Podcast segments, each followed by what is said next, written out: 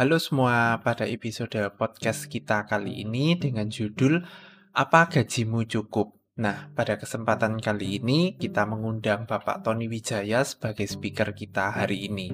Nah, sebelum kita mulai, saya akan membacakan sedikit tentang profil daripada Bapak Tony Wijaya.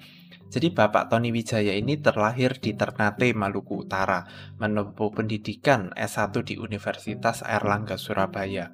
Saat ini Bapak Tony Wijaya memiliki pekerjaan sebagai seorang motivator, investor, pengajar, dan pengusaha. Saat ini Coach Tony Wijaya telah melatih ribuan orang untuk menjadi lebih sukses. Tanpa berpanjang lebar lagi, kita sambut sama-sama Om Tony. Halo Om Tony. Hai Bro Eka Terwandi, apa kabar? Luar biasa Om Tony. Sehat? Sehat Om Tony. Om Tony gimana ini Om Tony? Puji Tuhan sehat selalu. Mm-mm. Dan harus tetap sehat ya bro ya. Amin. Nah, Om Tony, pada kesempatan kali ini kita akan membahas tentang apa gajimu cukup. Nah, sebetulnya Oke. topik ini itu lebih ditujukan kepada kaum-kaum milenial. Ya kan? Karena Oke. gini. Karena saat ini itu kan di rata-rata usia anak muda yang habis lulus kuliah, memulai karir ya, mulai bekerja, mulai punya income, ya kan? Ini kan Ya, zaman sekarang dengan zamannya waktu Om Tony dulu itu kan sudah beda generasi ya. Betul nggak? sekali. Ha-ha. Betul. Nah, jadi sekarang kita ini pengen diskusi supaya kita itu juga bisa mendapatkan sudut pandang daripada Om Tony. Jadi sudut pandang dari generasi yang di atasnya kita. Betul. Oke, nah sekarang gini, saya mau tanya nih, menurut Om Tony ya, kenapa ya kok orang-orang itu banyak sekali anak-anak muda yang saat ini barusan merintis karir ya toh atau sudah bekerja, itu mereka itu cenderung cepat puas atau istilahnya itu zona nyaman banget dengan income-nya atau dengan gajinya. Oke, Bro Eka Termadi, pertanyaan yang bagus sekali. Uh, kebetulan saya kan ketua grup Health and Wealth Community dan hal ini saya pernah survei beberapa tahun yang lalu. Ya banyak orang yang gajinya pas-pasan, ya anak muda, bahkan orang yang sudah berumah tangga loh, Bro Eka, dan mereka puas. Nah, kenapa demikian? Menurut saya, pendapat saya, itu karena mindsetnya mereka sudah terbentuk hal tersebut. Semua dari mindsetnya. Contohnya, ya, uh, kalau mereka sudah sadari bahwa kalau mereka bekerja, minimal gaji mereka UMR. Jadi sudah tertanam dalam pikiran bawah sadar mereka. Oh, kalau mereka kerja minimal UMR mereka sudah puas. Nah itu sudah terbentuk. Nah, atau menjadi PNS misalnya, berapa di posisi tertentu, mereka akan terima gaji mereka. Sehingga kalau sudah mengarah ke sana, sejumlah gaji tertentu, dan itu tertanam di dalam mindset mereka, mereka sudah rasa puas. Jadi istilahnya mereka sudah membatasi sebuah plafon rezeki. Plafon rezeki yang harusnya bisa bisa lebih tinggi dari itu, mereka sudah patok di situ. Nah, berikutnya lagi, kenapa mindset mereka terbentuk? Karena dari lingkungan teman-teman pegawai mereka. Misalnya mereka bekerja jadi pegawai, teman baik mereka, lima, enam teman baik mereka juga sama-sama pegawai misalnya. Yang gajinya kurang lebih sama. Sehingga mereka sudah merasa nyaman, oh teman saya juga gaji sama dengan saya, paling ada lebih tinggi atau mereka lebih tinggi mungkin sedikit saja. Jadi lima enam orang teman dekat kita yang sering kita bergaul bersama itu membentuk mindset kita. Coba kalau mereka kerja ke orang seorang pegawai dan kumpulnya dengan anak-anak orang kaya yang penghasilan mungkin bisa 10 kali daripada daripada mereka. Itu akan terbentuk yang lain lagi mindset mereka. Nah, dan apalagi dengan dari sejak kecil mindset mereka sudah tertanam pikiran bawah sadar mereka sudah tertanam dengan melihat orang tuanya. Orang tuanya misalnya pegawai dan orang tuanya tidak pernah memotivasi anak-anaknya untuk jadi pebisnis atau profesional yang kaya. Maka dari kecil sudah tertanam, oke, papa saya kan dulu pegawai, nah hidupnya pas-pasan, bahkan rumah aja masih ngontrak sampai saat ini. Jadi dia berpikir ya, ya begitulah kehidupan. Begitulah rumah juga hampir tua pun dia ikut orang tua tetap udah punya rumah, tetap ngontrak. Semua dari mindset yang tertanam pada waktu kita masih kecil maupun di lingkungan kita dengan apa yang kita lihat, apa yang kita baca, itu yang membuat mereka cepat puas dengan gajinya walaupun gaji mereka tidak cukup atau pas-pasan, bahkan berkekurangan. Jadi mereka berusaha menyesuaikan dengan gaji mereka. Sehingga hidup mereka juga tidak ada perubahan dari waktu ke waktu, dari tahun ke tahun. Ya, nah kita lihat aja, kita boleh cek. Cara ngeceknya gampang sekali. Uh, lima, kalau kita ketemu seseorang yang saya sering lakukan surveinya, kamu posisi kamu hari ini dan posisi kamu lima tahun yang lalu apakah hidupmu berubah secara penghasilannya. Nah, kalau tidak berubah dengan lima tahun ke depan, dengan pekerjaanmu hari ini, dengan penghasilan kamu terima hari ini, lima tahun ke depan bisa berubah nggak? Pasti tetap nggak berubah. Nah, itulah sebabnya mindset ini menentukan sekali seseorang mau mau berubah hidupnya lebih baik atau merasa nyaman dengan posisi yang seperti itu di comfort zone zona nyaman yang tidak nyaman sebetulnya. Itu kurang lebih Bro Eka. Oke Om Tony. Nah Om Tony, kalau misalnya kita lihat sebuah fenomena ya, kan zamannya Om Tony ya, zaman zaman dulu ya kan. Ketika orang iya. bekerja, ya, ya kan, entah pegawai atau misalnya kayak apa bisnis owner atau apa pun itu, mereka itu bisa memiliki uang untuk membeli rumah. Betul nggak Om Tony? Betul sekali. Nah, tapi menurut Om Tony, apakah zaman sekarang itu bisa seperti itu apa enggak Om Tony? Karena kalau misalnya kita lihat sebuah realita ya, di mana pada saat podcast ini direkam tahun 2021, UMR di kota Surabaya itu kan sekitar 4 juta sekian ya Om Tony ya. Iya. Nah, Sedangkan harga rumah di kota Surabaya saat ini, ya kan, yang rumah yang relatif apa ya sederhana lah kita katakan rumah biasa, Betul. itu pun harganya sudah di atas 800 juta lebih. Itu pun posisinya mungkin agak jauh dari tengah kota atau pusat kota. Nah, kalau misalnya kita, kita melihat rumah yang levelnya kayak agak nyaman, itu harganya sudah kayak sudah 2 miliar, 3 miliar ke atas ya Om Tony ya. Nah, kalau kita lihat perbandingannya ya Om Tony ya antara harga rumah ya kan dengan UMR yang ada di kota Surabaya pada tahun 2021 ini itu kan kayak jauh banget gitu ya Om Tony ya. Nah, menurut Betul. Om Tony gimana ini Om Tony? Oke, ya ini pengalaman saya pribadi, saya mengalami hal ini juga. Jadi saya ini kebetulan dilahirkan di era papa saya yang masih era-era zaman-zaman dengan konglomerat kayak Pak Eka, Cipta, dengan Om Lim, zaman Soeharto dulu ya. Jadi papa saya adalah orang zaman dulu yang kuno banget ya. Orang-orang kuno seperti papa saya dan teman-temannya itu, itu mereka itu sudah punya dream. Jadi menurut saya ini terjadi karena dreamnya beda antara orang zaman lama dulu termasuk zaman saya dengan zaman anak-anak muda sekarang ini. Dreamnya, impiannya beda.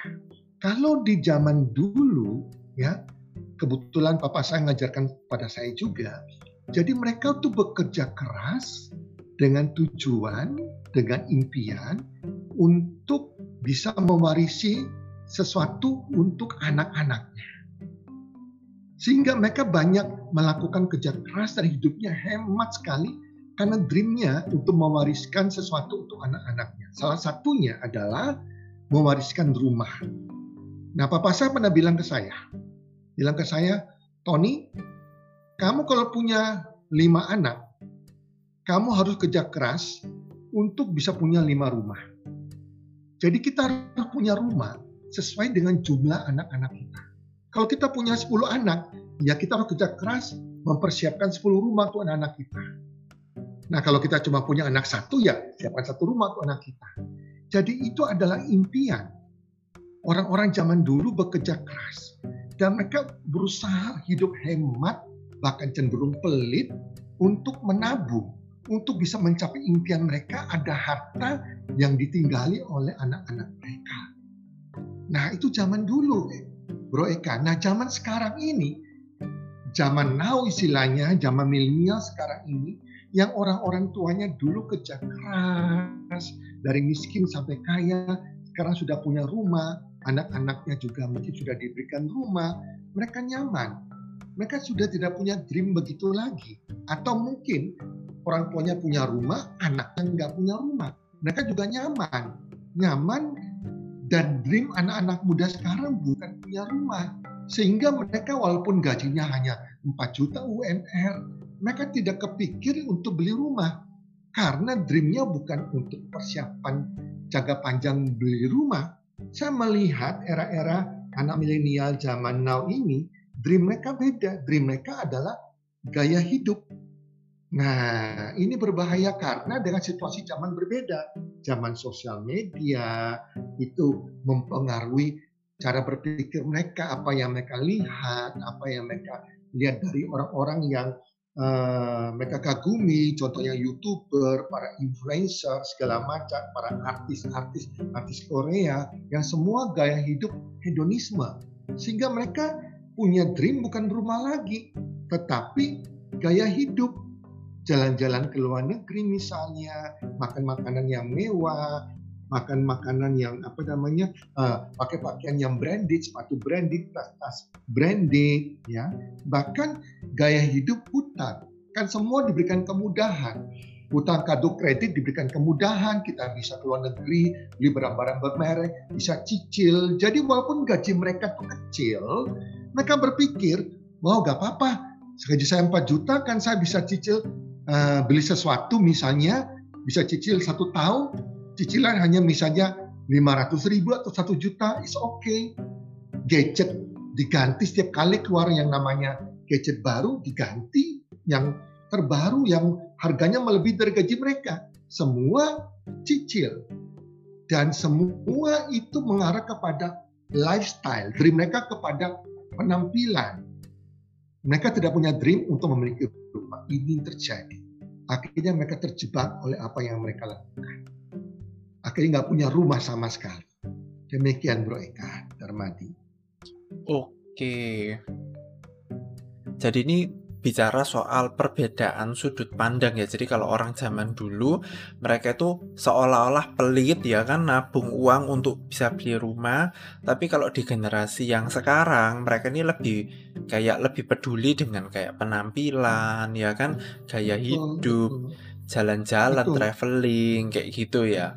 Jadi so iya betul karena betul karena saya pernah survei di grup saya sendiri anak-anak muda yang milenial yang usia 25 sampai 35 tahun. Saya survei ada sekitar 100 orang lebih ya. Apa dream mereka lima tahun ke depan, 10 tahun ke depan, tinggal mereka centang aja. Nah, di situ termasuk rumah, jalan-jalan ke luar negeri, segala macam.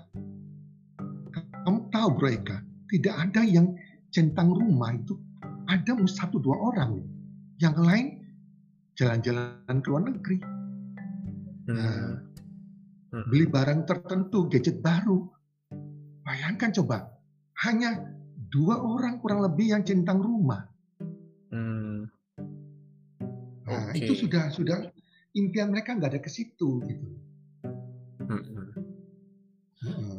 Oke, nah sekarang Om Tony, menurut Om Tony nih, definisi gaji yang cukup itu yang gimana? Dan gimana itu cara kita tuh menghitung kayak gaji kita ini cukup apa enggak sih Om Tony? Oke ya. Pertanyaan yang bagus sekali. Gaji adalah sebuah penghasilan yang kita terima karena kita bekerja kepada seseorang atau kepada perusahaan atau kepada instansi tertentu yang sifatnya aktif Artinya selama kita masih bekerja, nah kita akan terima penghasilannya. Nah, gaji ini juga tergantung juga dari berapa lama kita bekerja, menentukan juga. Tapi begitu perusahaan kita ada masalah atau kita ada masalah dengan perusahaan, kita berhenti, gaji pun berhenti. Itulah sebabnya Nah, harus pinter-pinterlah kita mengelola gaji. Ya, kalau kita mau sukses adalah bagaimana kita sukses secara keuangan, ya berbahagia di masa depan kita, kita punya sehat keuangan, itu penghasilan kita. Salah satu penghasilan kan gaji itu harus bisa kita sadari benar, bisa mengelola dengan benar. Ya, kita harus juga tahu sadar gaji kita ini cukup apa enggak sehingga kita jangan puas bagi anak-anak milenial sekarang ini jangan puas dengan gaji yang ada kita harus bisa mengelola gaji kita kita harus mengerti yang namanya ronsen keuangan jadi kalau ya namanya ronsen itu bukan karena kita sakit terus kita ronsen paru-paru kita ya bukan tapi di keuangan kita kita juga bisa ronsen tentang kesehatan keuangan kita nah oke okay. bagaimana cara meronsennya demikian kalau kita menerima sebuah gaji kita harus bisa mengelola keuangan dari gaji. Dan bagaimana cara mengelolanya agar kita memiliki masa depan yang baik, ya, keuangan yang sehat. Begitu gaji diterima, kita harus membuka ya 10% itu untuk amal, menabur kebaikan, untuk membantu orang-orang yang kurang beruntung. Bersedekah istilahnya.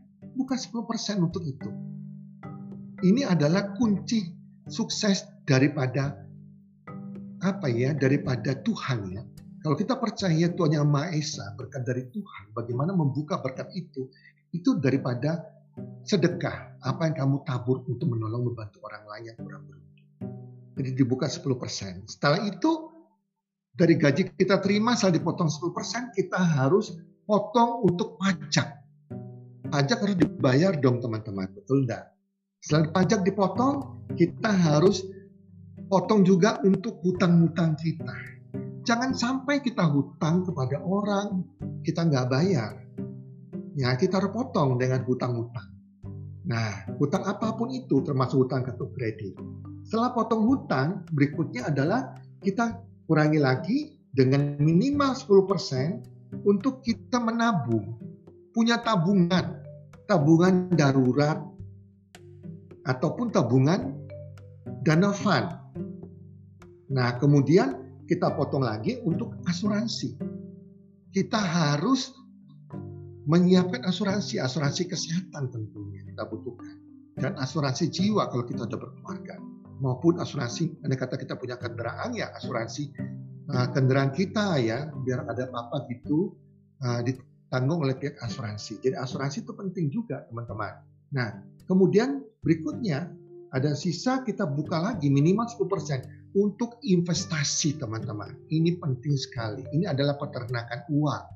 Kita bisa investasi yang kalau Anda masih awal, buka investasi di emas lah, emas logam mulia. Itu paling gampang teman-teman ya, jelas teman-teman ya di sini. Nah, ada sisanya. Sisanya ini terakhir baru ini untuk dipakai untuk kehidupan Anda setiap bulan, teman-teman. Nah, ini adalah ronsen kesehatan kita. Nah, Anda nanti setelah acara podcast ini, Anda coba mulai kurang-kurangi. Ada sisa nggak? Ini ini yang benar. Anda mau mau sehat keuangan berbahagia, tidak miskin keuangan. Kalau misalnya contohnya, ini untuk pribadi maupun yang sudah berkeluarga. Oh, Anda bilang, waduh, Pak Tony ini malah minus. Nah berarti ronsen keuangan, kesehatan keuangan Anda nggak sehat. Keuangan Anda sakit. Tapi itu kabar baiknya, Anda tahu ini minus, Anda nggak sehat, Anda harus berupaya cari solusinya. Cari solusi bagaimana caranya. Anda tetap bekerja, Anda punya aktif income, cari backup income, second income, income kedua yang Anda bisa lakukan di luar jam kerja Anda yang tidak mengganggu pekerjaan Anda. Kalau bisa yang tanpa risiko, yang tidak membutuhkan modal besar. Modal kecil kalau bisa tanpa modal juga. Nah, backup income ini penting sekali untuk supaya penghasilan Anda ini bisa jadi sehat. Kesehatan keuangan Anda jadi sehat, teman-teman.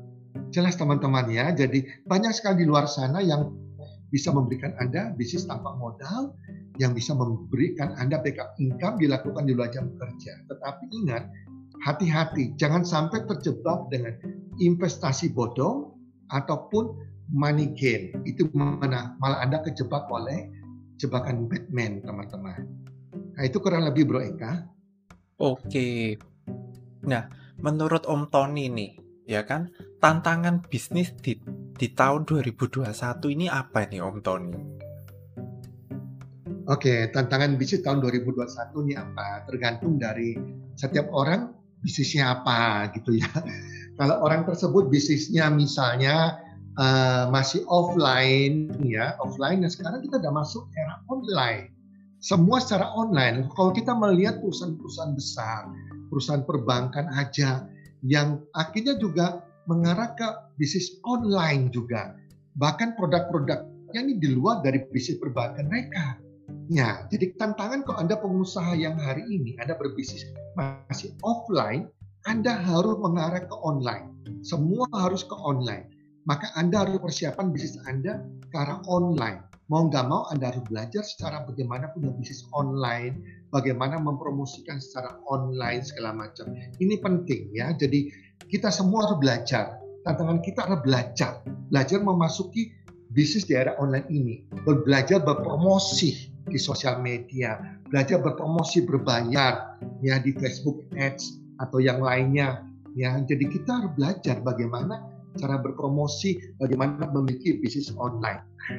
Tantangan kedua adalah kalau Anda di bidang jasa, ya, misalnya dokter atau jasa apa pun, ini sekarang kita juga masuk era global, teman-teman. Makin hari sudah tanpa batasan wilayah lagi, teman-teman ya. Jadi Anda harus tidak bisa kalah lagi misalnya dengan orang-orang yang kalau kita bicara mengenai profesional seorang dokter misalnya, Anda harus kembangkan terus ilmu kedokteran Anda. Jangan sampai kalah dengan ilmu kedokteran dari luar negeri.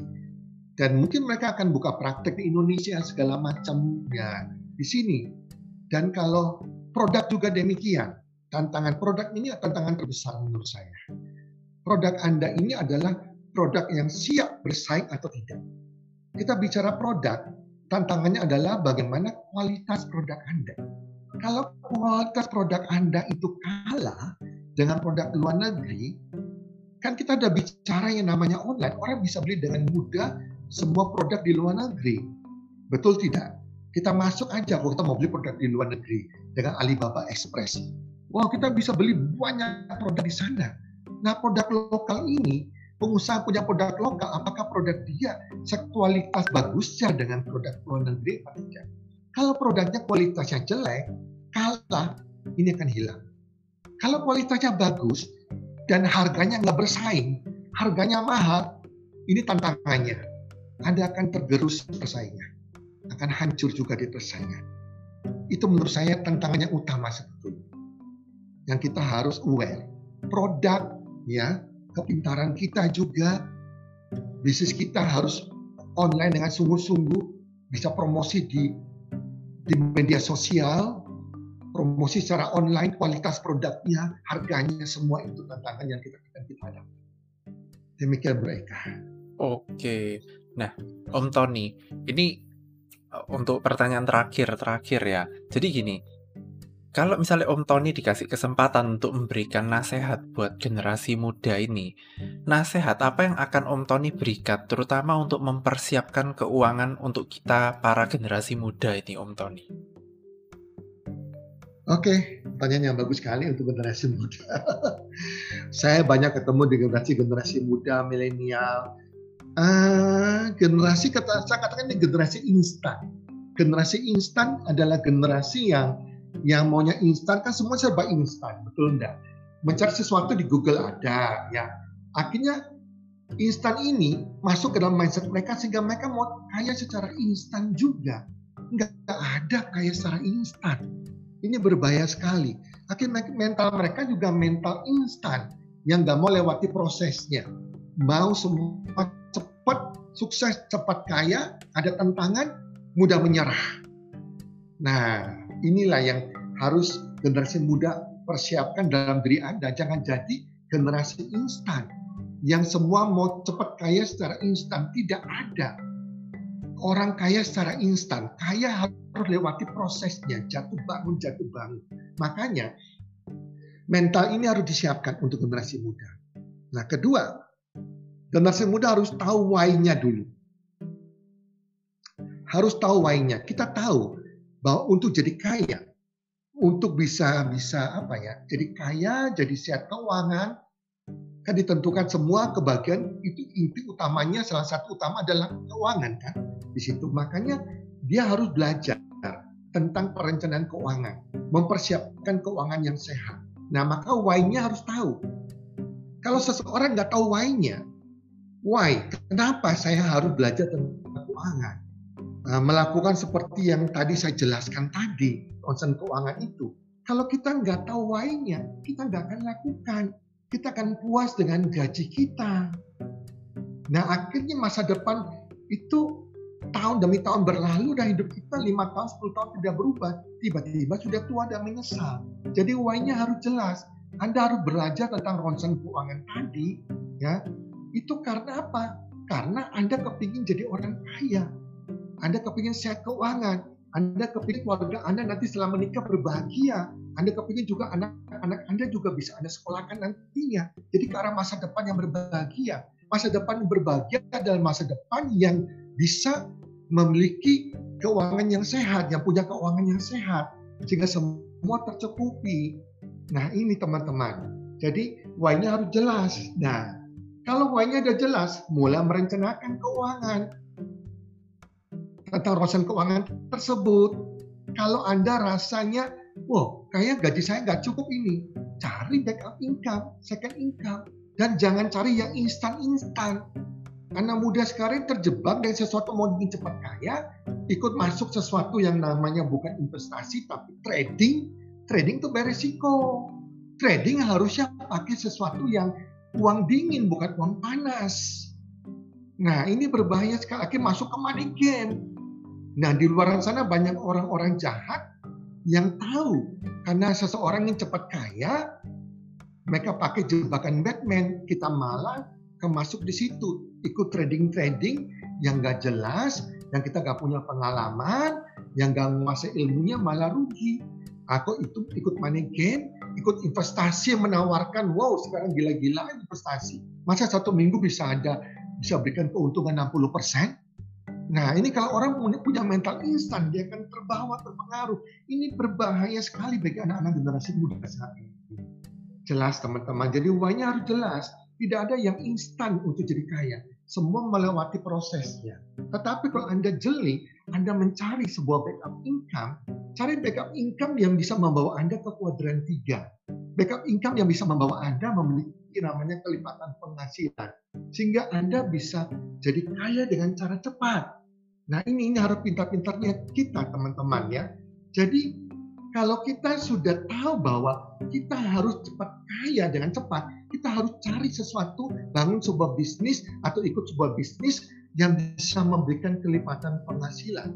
Contohnya, siapa sih nggak tahu Gilang dan Sandy dengan produknya MS Glow dalam waktu tujuh tahun, tujuh tahun dia bisa menjadi crazy rich mereka dari Malang. Rich Indonesia. Penghasilan mereka per bulan tuh minimal 6 miliar per bulan. Bisa beli pesawat terbang pribadi segala macam. Hanya tujuh tahun. Dari background apa? Hanya yang pasan. Tetapi suami istri ini, mereka ini punya mental. Mereka milenial ya. Masih 30-an usianya. Mental mereka bukan mental instan.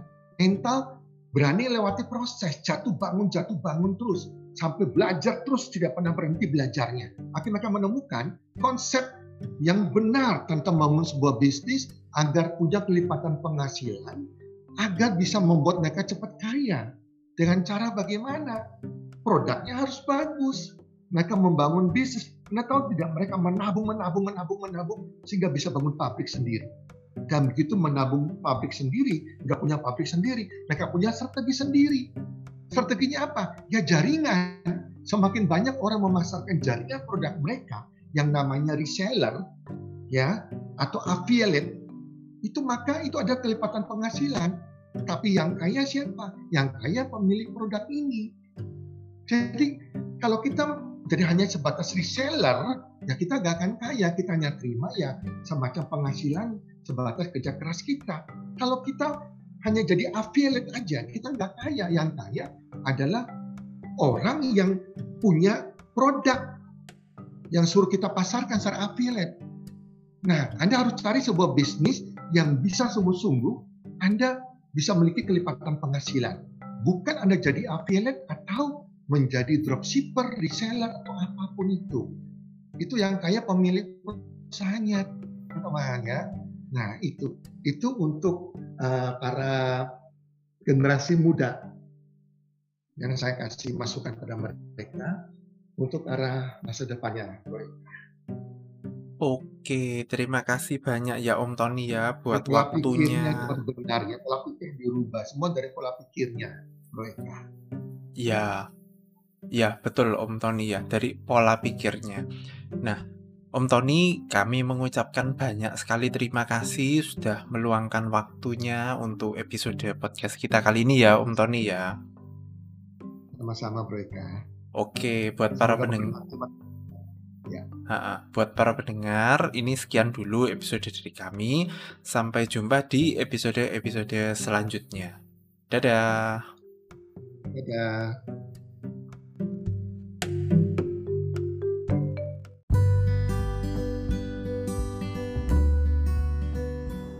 Terima kasih sudah mendengarkan podcast kami. Teman, jika Anda rasa bermanfaat podcast kami ini, Anda bisa menginfokan kepada rekan kerja Anda, keluarga Anda, teman ataupun sahabat Anda.